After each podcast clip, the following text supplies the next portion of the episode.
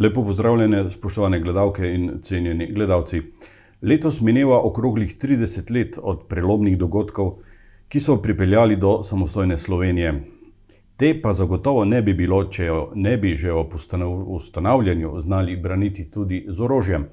Enote ljudske milice, predvsem pa pripadniki teritorijalne obrambe, so s konkretnimi akcijami takrat ob razglasitvi samostojne Slovenije dokazali, da ima Slovenija svojo vojsko, ki bo znala obraniti to samostojnost. Največja enota teritorijalne obrambe v takratni občini Idrija je bil 120. jurišni odred, ki pa mu je poveljeval Lado Sedej, ki ga danes prav lepo pozdravljam v našem studiu. Dobrodošli. Hvala za povabilo, lep pozdrav tudi vam vsem spoštovanim gledalkam in gledalcem. 30 let je minilo od teh prelomnih dogodkov, s kakšnimi občutki se danes spominjate tistih časov? Ja, moram reči, da se jih spominjam rad, s ponosom in seveda z velikim zadovoljstvom, da se je takrat izteklo tako, kot se je, da ni bilo žrtev. In kljub temu se zavedamo, da smo opravili neko nalogo, ker kot ste, ste že povedali, ni, ne, ne bi bila Slovenija samostojna, tako, če ne bi takrat tudi pokazali svoje obrambne moči in upornosti, tako kot že marsikdaj poprej v zgodovini. 30 let mineva od teh prelomnih dogodkov, vaša vojaška kariera, če lahko tako rečem, pa ima še višjo obletnico. Bili ste rezervni vojaški oficir z razporedom v teritorijalni obrambi. Da, takrat smo vsi fantje služili vojaški rok, razen če so bili zdravstveni razlogi za to, da ne. In po po zaključku tega služenja vojaškega roka, ki je trajal leto ali tudi več, v preteklosti še, še tudi več let, si pač dobil razpored v eno od enot, bodisi v enote teritorialne obrambe ali pa v enote redne vojske, to je Jugoslovanske ljudske armade. Zdaj, razlika je bila v tem, da Jugoslovanska ljudska armada je bila namenjena pač za bojevanje na celotnem jugoslovanskem bojišču, v primeru agresije, napada, takrat smo predpostavljali, da se to, da se to lahko zgodi ali iz zahoda ali iz vzhoda ali tudi iz severa, nikakor ne z juga. Po drugi strani se je pa poleg tega od leta oseminšestdeset dalje je nastala in se razvijala teritorialna obramba na podlagi izkušnje po agresiji Sovjetske zveze na Češko-Slovaško, ko je jugoslovansko vodstvo presodilo, da samo jugoslovanska armada ne bo zdržala morebitnega napada in da je in je potem se uveljavil koncept, da ima vsaka republika svojo teritorialno obrambo, ki bi potem delovala na svojem območju, na partizanski, gverilski način, tudi po umiku armade. Skratka, da bi bilo, da bi bili vsi skupaj močnejši. In ideja pravzaprav to, ni bila vsem všeč, ker so že takrat nekateri razumeli, da to lahko pripelje tudi do krepitve odcepitvenih teženj, ampak je prav s strani Slovenije, našega takratnega politika Edvarda Kardelja in s hrvaško podporo je tudi maršal Tito to idejo sprejel. No, in od skratka, od oseminšestdeset naprej se je povsod in tudi v idrijski občini so se potem organizirali štabi, enote, se postopno opremljali, usposabljali in je potem bilo več reorganizacij. Ampak v letu štiriinosemdeset, petinosemdeset je potem bila zadnja reorganizacija, v kateri je tudi nastal ta jurišni odred. No, jaz osebno sem naredil odslužil vojaški rok v šoli za rezervne oficirje v Ljubljani, ga zaključil s činom rezervnega vodnika in bil potem vključen najprej kot komandir, poveljnik zaščitnega voda občinskega štaba, potem pa prevzel kasneje eno četo in leta petinosemdeset tale jurišni odred. To je bila pač moja, in potem vsako leto je bilo normalno, če si opravil vaje in nič, in ni bilo nič narobe, si dobil neki en višji čin, zvezdico, tako da si nekako prišel do stotnika v času vojne, a ne. Po zdajšnjem, takrat je bil to kapetan, ne. Stodvajseti jurišni odred. Povejte nam, kako je bil pravzaprav sestavljen, koliko vojakov ste imeli? Ja. Stodvajseti jurišni odred je bil, je imel, je imel okoli po po formaciji, po spisku sto triinštirideset pripadnikov. Od tega je bilo okrog deset članov v poveljstvu, trije jurišni vodi, vod za ognjeno podporo z minometi, s protioklepnim orožjem, pa pionirski oddelek, izvidniški oddelek. In tudi sanitetni oddelek. Seveda, potem tudi vse zaledje je bilo za saniteta, intendanca, pa tehnično, tehnično področje. Kako ste bili oboroženi?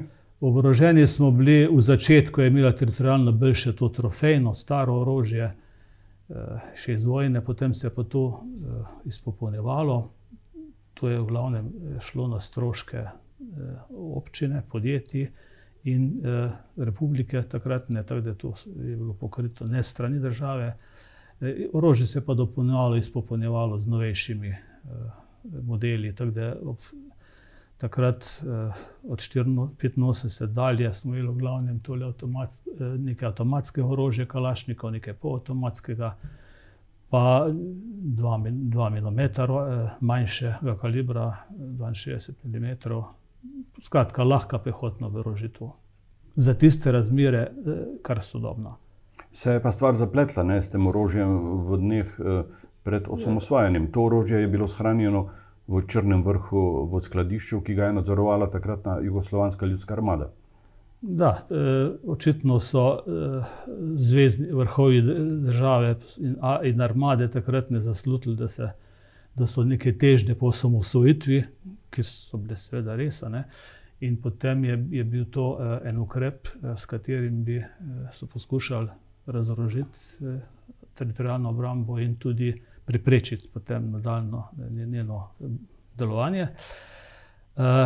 To je bilo v enem zgoščenem času, se je to zelo hitro zgodilo, tako da idrijsko orožje je bilo itak vse v skladišču JLA v Črnem vrhu, tako da ni, ni bilo, ni treba premikati, samo ključavnice so zamenjali pa še kar je ostalo, so pospravili. po drugi strani je bilo pa vse v Sloveniji vseeno nekaj občinskih štabov, kjer so pa to malček zadržali in tudi so imeli dislocirana skladišča dlje trajalo in so potem, mislim, da je okrog sedemnajst štabov v Sloveniji je zdržalo orožje. Se po, po po dveh dnevih je tudi bilo potem to strani predsedstva Slovenije zaukazano, a ne, prve dni pa, pa ne, ne, tako da. v Sloveniji je prišlo potem, pravimo, do delne razorožitve, ni uspela, ne, tako da je, mislim, da tudi sedemnajst tisoč približno kosov orožja je ostalo v skladiščih in, in občin in tudi v centralnem skladišču. Da neka osnova je bila. Če vemo, da je bilo pa pripadnikov v mladini je takrat izhajala ocena, če bi vse angažirali, kar je, kar bi bilo sposobno, je bilo okrog sedemdeset tisoč sposobnih za orožje v Sloveniji takrat. Vojak brez orožja je... Seveda. Mi smo takrat, ko smo to ugotovili, smo pač kaj protestirali, ampak ni bilo tisti hip kaj za narediti, so pa potem, reči, taisti ljudje, ki so bili vodilni poprej, ne govorim za nivo občine in pokrajine, se izredno potrudili, da so poskušali priti ali nazaj do tega orožja s, z zahtevami pa tudi koncev s krajami skladišča, je šlo za manjše količine. Potem so določena, določena količina orožja prišla iz teh centralnih skladišč. Nekaj je bilo takrat nabav na črno, Republika Slovenija je v bistvu pretihotapila nekaj orožja noter. Videli so pa imeli primer, kar celo general Marjan Vidmar, ki je bil na visokem položaju v armadi, dovolil, da se je iz skladišča izvzelo sto pušk starih, ki so bile sicer pod ingerenco narodne zaščite tik pred vojno. Tako da popolnoma brez orožja nismo bili. v prvih dneh, ko smo se zbrali, prvi dan je bilo tega orožja za približno tretjino enote, ampak že naslednji dan je pa potem ga bilo zadosti za vse, ker so tudi v prvih dneh nekatera velika skladišča bila zavzeta ali so se predala in je to orožje se potem pospešeno zelo hitro razporedilo po Sloveniji. In tudi po teh tajnih skladiščih? Ja. V Idriji je bilo to, mislim, da v banki, na, na avtomatiki. Ja, to je treba poudariti. To obdobje, skratka od nekje od, od maja devetdeset pa do začetka vojne je bilo obdobje tajnega delovanja država v državi. Ne, se, uh, ker tale iz odozema orožja je spodbudil aktivnosti v to smer. Uh, slovensko politično vodstvo se je zavedalo, da, da uh, je treba voljo ljudstva, ki je bila na referendumu potrjena na plebiscitu, da je treba speljati. Po eni strani so pelali vse organizacijske in, in formalne postopke, da smo svojo zakonodajo vzpostavili, usporedno tudi vojsko. Ne. Zgodil se je potem, če enostavno rečem, preklop poveljevanja iz, od, na, mesto, na mesto, da ob, teritorijalni obrambi kot sestavnemu delu oboroženih sil poveljuje Beograd, generalštab, posredno preko republikanskega štaba. Od slej naprej, eh, od oktobra naprej, je poveljstvo nad teritorijalno obrambo Slovenije prevzelo predsedstvo Republike Slovenije. No, in v tem času so vsi ti, ki smo jih prej poznali kot zaposlene na občinskem štabu teritorijalne obrambe, delovali v okviru te organizacije, ki se je vzpostavila prav v ta namen, da se to zorganizira, eh, manevrska struktura narodne zaščite, eh, ki je potem delovala seveda v popolni tajnosti, ker če ne bi eh, živeli dvojno življenje, eno je bilo na vides upravljalo svoje dotedanje naloge, po drugi strani so pa organizirali Eh, enote teritorijalne obrambe na ta način, da so bile sposobne delovati pa potem po povelju, eh, ki bi prišlo iz eh, obrambo Slovenije. Pred prvim zborom vaše enote je bilo najbrž potrebno urediti vse evidence in tudi način klicanja, obveščanja vojakov, da naj pridejo na zborno mesto. Takrat mobitelov še ni bilo. Ne? Seveda ni bilo mobitelov, bili so pa telefoni mi smo bili seznanjeni z, z to možnostjo, govorim za poveljnike enot, eh, z možnostjo, da pride do oboroženega spopada nekje eh, oktobra eh, leta 90. In potem smo razmišljali, kaj, kaj lahko naredimo, poleg tega, da samo čakamo. Ne? In pa je bila ena predpostavka, da se lahko zgodi tudi to, da nas kaj prehiti, in smo se nekako dogovorili, povelj, povelj znotraj, ne, vsi, vsi poveljniki vodov, oddelkov, smo torej o tem, da se, če bo treba, sami obvestimo. To je bilo sicer z nivoja občinskega štaba usmerjeno, spodbujeno, ampak smo, smo, smo se dobili, se pogovorili, naredili se z nami in smo upali sicer, da ne bo potreba, ampak smo bili pa saj na ta del pripravljeni. Seveda orožje v tem hipu nismo imeli, ampak tudi so nam dali vedeti, da neko orožje že nekje je. No to orožje pa to, kar sem rekel, iz Vidrija praktično ni bilo, razen kar smo uspeli pa še dobiti prihajalo pa je od zunaj iz raznih virov in to orožje se je potem skladiščilo eh, v tajnih skladiščih, ki so bile po našem primeru, recimo zaklonišča na kolektorju, na Hidri, na, na postaji Milice takrat. V Cirknemu, v Eti najprej, pa potem v, v prostorih pekarne, po spodnjem vidilu v gasilskem domu. Ponekod so pa to imeli tudi zasebniki eh, na, na kmetijah, domačijah, eh, tudi v svojih letih, mi, tega, mi smo imeli na teh inštitucijah. In to je bilo tudi zelo rekel, tvegano, odgovorno delo, ostalo je popolnoma v tajnosti in to je bil to orožje, potem tisto prvo, ki smo ga lahko dobili tisti dan, ko smo mobilizirali. Mobilizacija je bila 28.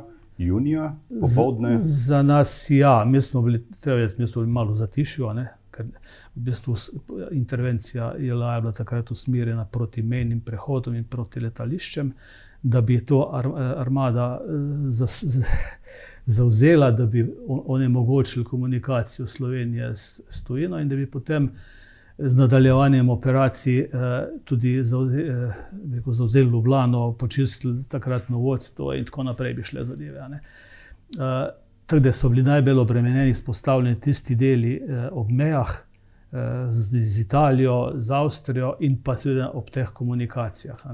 Idrija bi sicer gotovo prišla na upoštev tudi v naslednjih fazah, če bi se vojna nadaljevala, ampak eh, sreč potem eh, tega. tega Tega ni bilo. No, zato smo pol moči, ki še en dan kasneje prišli na vrsto, ne, kot, kot so prišli kolegi na, na Tolminskem ali pa ali pa na Južnem primorskem, ali pa, ali pa na Prekmurju, ko so bil prodor iz, iz Zagrebske strani, Varaždinske ali pa na Dolenskem, kjer smo. V bistvu tisti dan, ko smo se mi zbirali, je bil že ustavljena kolona na Medvede, ko pa spopadi v Radgoni. Pa, eh, v bistvu je bil že tisti dan tudi zauzet, eh, oziroma so se na, na, predali eh, posadka po, po pritiskih in pogajanjih na mejnem prehodu Robič. Ljubk eh, v Rožni dolini je bil prav tisti dan, tisti spopad podvečer, ko so tanki, ki so, ki so prišli iz smeri eh, Pivke, eh, tam nekaj časa in jih je potem teritorijalna v bistvu eh, napadla. Eh. Tako mi smo že, tak, smo že do povdne, prejšnji dan, gledali, kaj se dogaja, in smo gotovili, da bo treba iti. In potem smo se, smo bili, sama uradna mobilizacija, pa spe, izpeljana v petek 28. popovdne. Kakšen je bil odziv? Odziv je bil. Eh, čez 90%, samo nekateri so pač iz zdravstvenih ali pa moče še drugih razlogov. Uh, se izjasniti, da rajš ne bi, ali pa smo jih odpustili, da ne bi bilo kaj narobe. Namreč pred leti na Nivaji smo imeli že smrtni primer zaradi srčnega zastoja in, in nismo hoteli tvegati. Ta odziv nad 90% uh, vseh upoklicanih je večji kot na, za vsakakršno vajo v preteklosti, ki smo imeli, pa tudi veliko večji kot marsikje druge v Sloveniji. Po formiranju enote pa ste se najprej premaknili v Kanomlji, v Bozovik. Ja, tam smo prespali, e, orožje smo dobili najprej na kmetiji pri Svetliku, e, to je tam neposredno zraven tovarne automatika, in potem smo se na prenočevanje napotili v Bozovik in smo tam preživeli, pa tam spodaj še ena domačija e, na Sivki. To, to je, kaj je bil takrat tam gospodar. In naslednji dan smo se pa potem pomaknili eh, bližje eh, potencijalnemu našemu cilju. Namreč eh, pričakovali smo, da so nam pripravljalno povelje, naj se pripravljamo, da bi zauzeli to skladišče v Črnem vrhu. Ukaza, ukaz bi pa moral priti z nivoja pokrajine, ampak ga ni bilo. Tako da potem ta aktivnost, sam pripravljali smo se, nismo pa realizirali. Bili ste v nastanjeni, se pravi v Godoviču, V... Bili smo na domači na Pesku in pri sosedu na Režišeh, so nas prijazno sprejeli, da smo tisti dva dni potem tam eh, se nekako prilagajali na to vojaško situacijo z mislimi in tudi sicer, ne malo obnavljali postopke. Uh, in, in čakali, pravzaprav in se tudi pripravljali na, na to, če bo treba iti, eh, predvsem poveljniki, ne poveljniški kader, smo šli na izvedovanje, delali smo načrte, ne sami, tudi v skupaj s protidiverzanskim vodom, s črnovrško četo.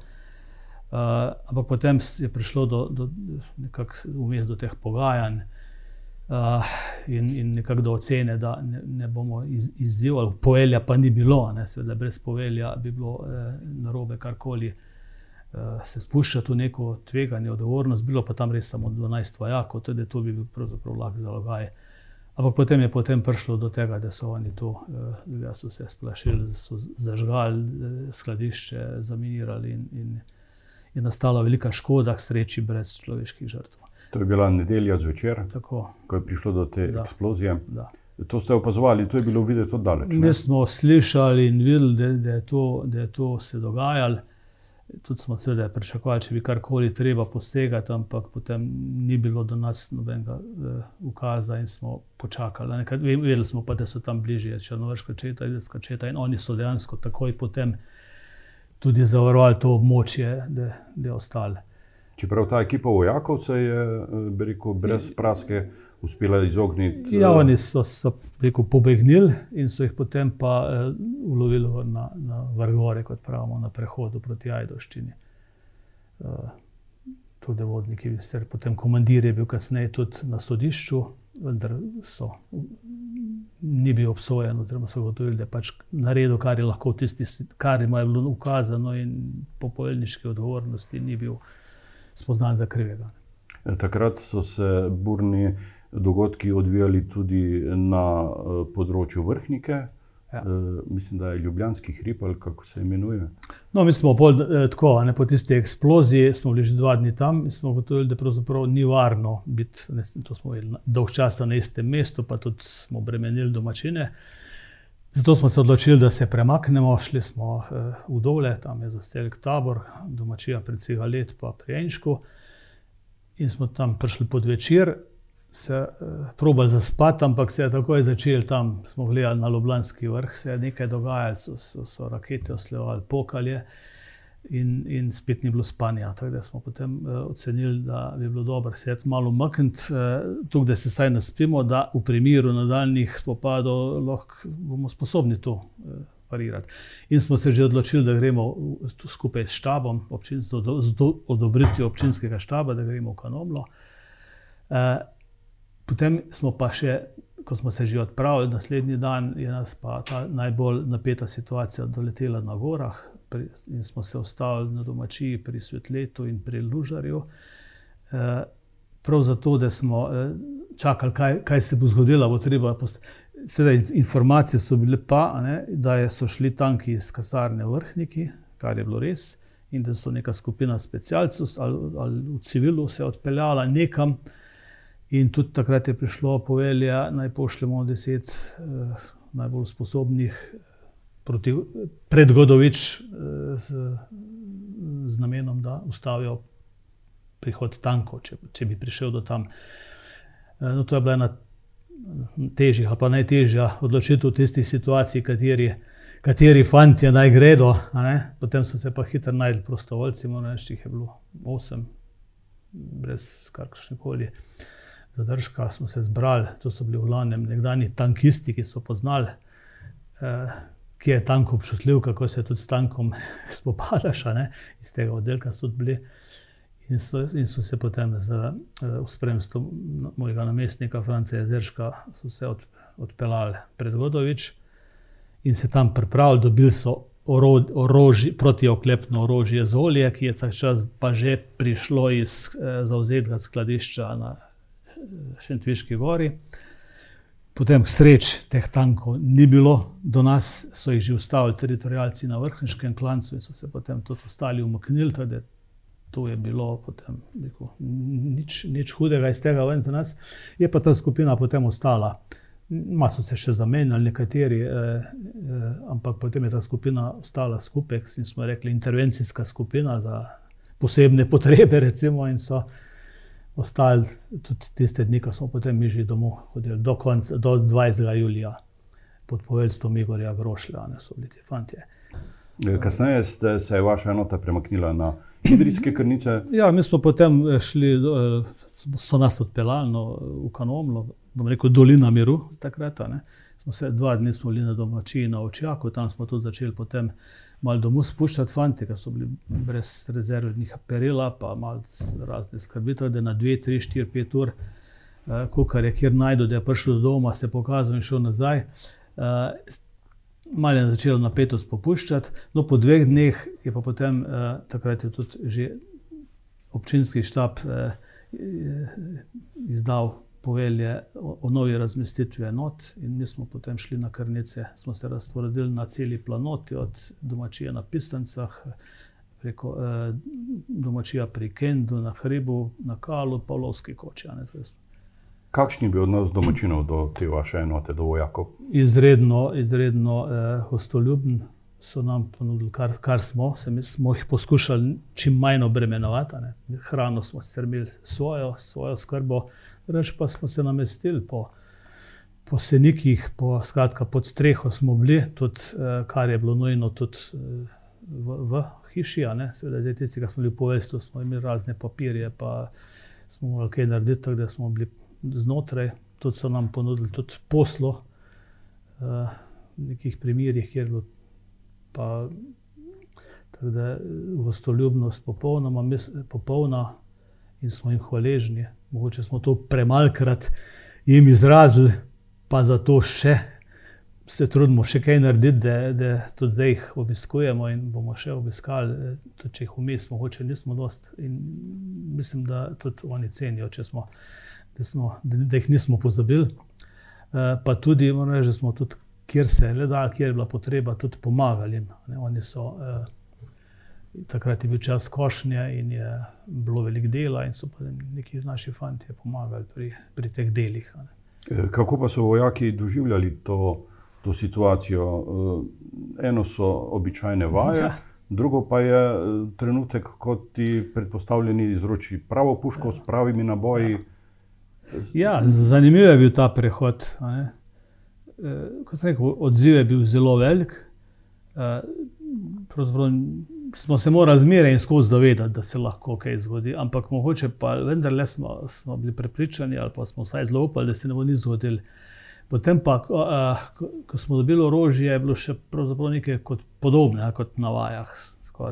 E, vsi pa povejo, ko smo začeli deliti municijo, ta pravo in to ne tako popiti skupaj kot na vajah, ampak kar je bilo tega že takrat kar velik, ne, kot makarone, če malo enostavno povedano.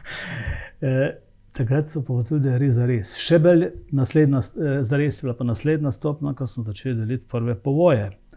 Pa pred, pred eh, pripravah na napad na Hodovič, eh, tudi nosila, ali pa to zgleda, kar, ali pa takrat, ko je bil potem po radiju, a ne mi smo veliko potem, smo si radio zrihtar, tam si še najbolj dobo eh, vtis, kaj se dogaja, ne, ker, eh, iz te splošne situacije, ne, ko je bil en dan v nedeljo do povdne napovedan vzlet letal in, in splošen napad na Slovenijo. To je bilo res eh, napovedano in tudi so se letala dvignili, potem pa ne. No, v tem trenutku smo s te domačije, takrat smo bili na pesku, se omaknili v gost, uh, ampak je bilo kar, uh, tudi na obrazih smo to sedaj, tudi meni je bilo vseeno, ampak, uh, ampak je bilo zelo različno smo dojemali. Tudi v takih situacijah se to Eh, tudi pokaže, koliko kdo eh, zmore, ampak je čist normalno, tudi strah, pa bojazen, negotovost, vse je prisotno. Ampak, ampak to ni povzročilo potem nekih ekscesov, izpadov, karkoli smo preživeli, ne, ta, to fazo. Zdaj ne znam po oceni, seveda, kako bi bilo, če bi pa zares. To je treba vedeti, mi smo bili takrat uh, različnih starosti, najmlajši so bili okrog 20 let, ravno iz vojske ven. Uh, najstarejši smo bili pa že tam čez 40, ne, v teh letih tudi človek drugače razmišlja, ne pa so za družine, pa karkoli, pa tudi kondicijsko smo bili različni. Tako da uh, je bilo to tem razmišljati, kdo je, kdo je za kaj sposobna. Ne.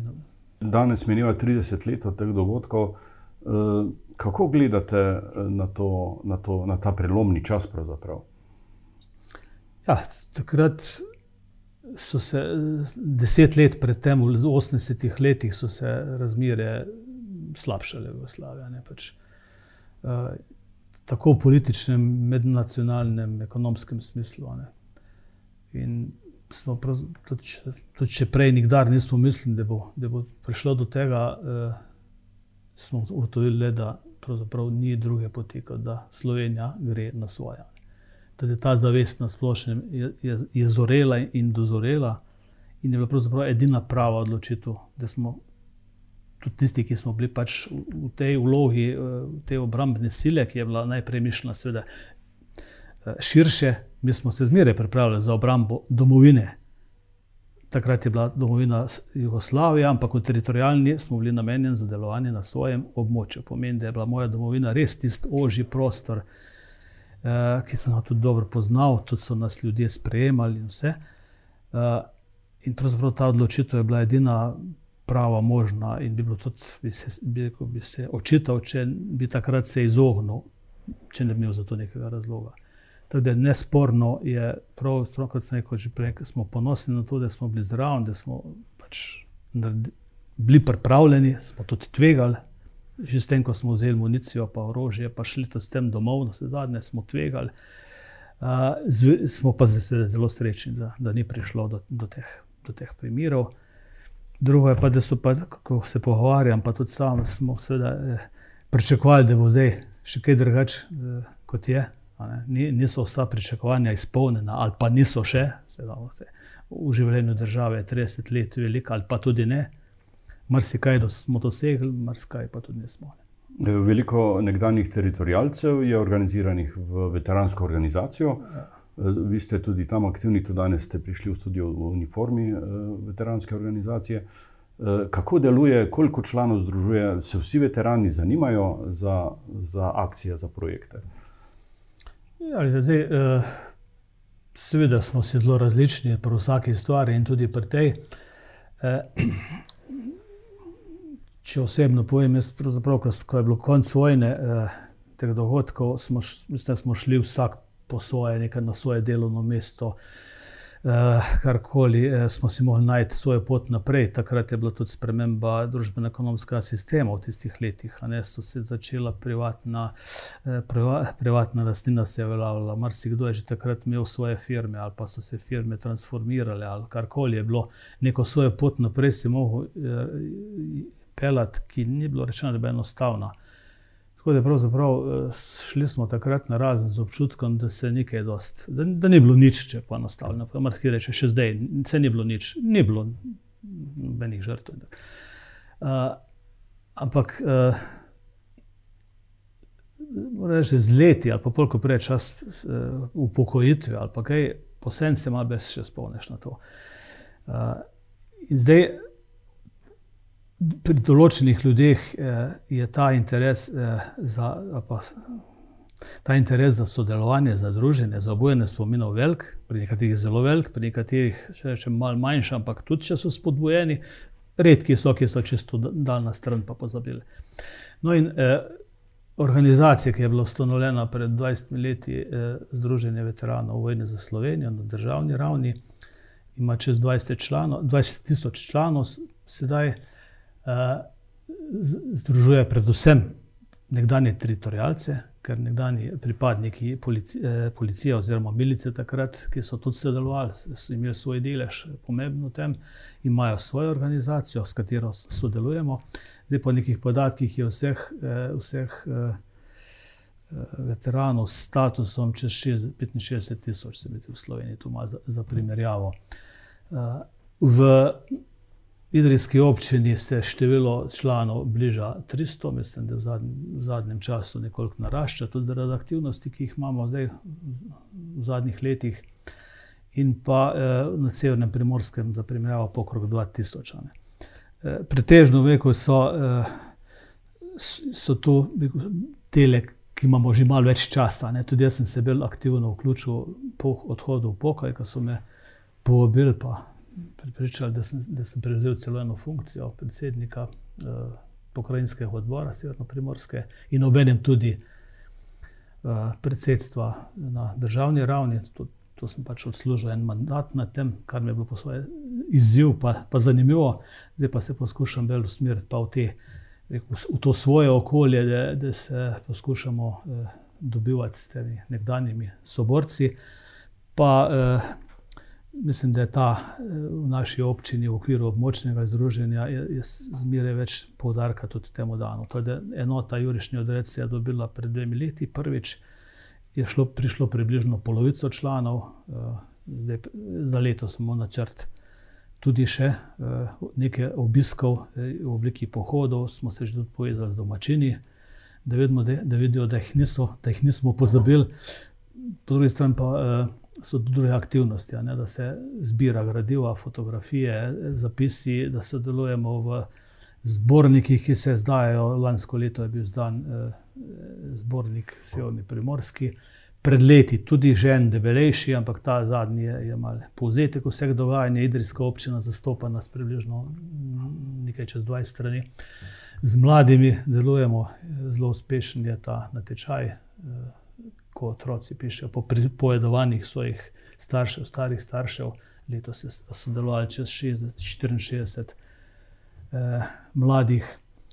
Eh, vse mogoče ni tako pomembno, da je to čisto točno in prav zapisano, ampak pomembno je, da ljudje da se, in mladi eh, vejo, da se je nekaj dogajalo, da so njihovi starši doživeli nekaj posebnega in tudi eh, eh, prispevali k temu, kar, kar imamo zdaj, oziroma kar naj bi imeli. Star pregovor pravi, da, da je lahko biti pameten za nazaj. Pa vas vprašam v duhu tega pregovora, eh, bi ponovili to izkušnjo, bi storili kaj drugače, vam je za kaj žal? Et, v, grobem ne bi nič spremenil, zdaj podrobnosti pa seveda. Uh, kdo dela, dela tudi napake, ampak nobene take hode ni bilo. Najbolj bi se sekiral takrat, ko sem šel noč, če, če bi potem bile žrtve, To so bili ljudje, s katerimi smo bili skupaj v službi na cesti, smo se poznali. Mislim, da bi to zelo težko preživel, če bi, preživ, če bi se zgodil kaj takega. Sploh pač po, če bi bil s kakšno odločitvijo vključen v to, da bi, da bi se to zgodilo. po nepotrebnem. Že vrsto let pred samo, samimi prelomnimi dogodki je teritorijalna obramba delovala. In sami ste v enem odgovoru rekli, da je pri vas dišalo po slovenski vojski že veliko pred letom 90. Ja, zagotovo. Lejte, mi smo bili, ne le da smo imeli poveljevanje v slovenskem jeziku, ne le da smo imeli posebne uniforme, smo se odločevali drugega. Predvsem smo, kot, kot sem rekel, bili namenjeni za delovanje na svojem terenu, usposabljali smo se na svojem terenu, na vajah smo se srečavali z, z, z ljudmi, domačini in so nas tudi oni sprejemali kot svoje. In uh, da ne govorimo o tem, da je bilo tudi financiranje strani uh, občin in republike. Tudi velikokrat smo v uniformah hodili, potem šel malo služba po navaje. Tako da smo se počutili res domači med domačimi, in tudi občutek je bil, da, da je pač uredno braniti. Še enkrat, to smo takrat delali na predpostavki, da nas bodo Italijani ponovno ali pa iz vzhoda, kdorkoli. Nismo mislili, da bo do tega prišlo do, do čist na koncu. Ampak vendarle, lejte, mi smo branili pripravljeni bi braniti svojo domovino, ne glede na to, kdo je bil nasprotnik, odkje bi prišel. Ne. Zato, zato uh, gotovo, pravim, lahko da je nekomu zadišal po slovenski vojni, vojski leta 90, ko je bil tisti postroj v Kočevski reki, ki je bil zelo pomemben. Sam to lahko eh, čuti reče tisti, ki ni bil nikoli v teritorijalni obrambi. Žal je zdaj to, da to je nekako kar povzeto, da imamo kar, ta, kar, to, osta, kar to zdaj ostaja kot eno, eno skoraj eno krilatico, eno, eno geslo, ampak uh, za nas to ni, ni tako. Mi smo bili kot rečeno. Prej smo se že tako počutili, in tudi teritorijalna ni nastajala 90 let, ampak eh, se je razvijala vsa ta leta in je potem samo sprejela tisto nalogo, ki je bila za tisti trenutek aktualna. Lado sedaj, poveljnik 120. jurišnega odreda, čestitke ob državnem prazniku, čestitke ob tem jubileju, 30-letnici eh, Slovenije. Hvala, da ste prišli v naš studio in hvala za ta pogovor. Hvala tudi vam za povabilo in seveda čestitke tudi vsem eh, občanom in občankam eh, za, let, za praznik današnji in seveda tudi za občinski praznik. Vam, spoštovane gledalke in gledalci, pa hvala za pozornost.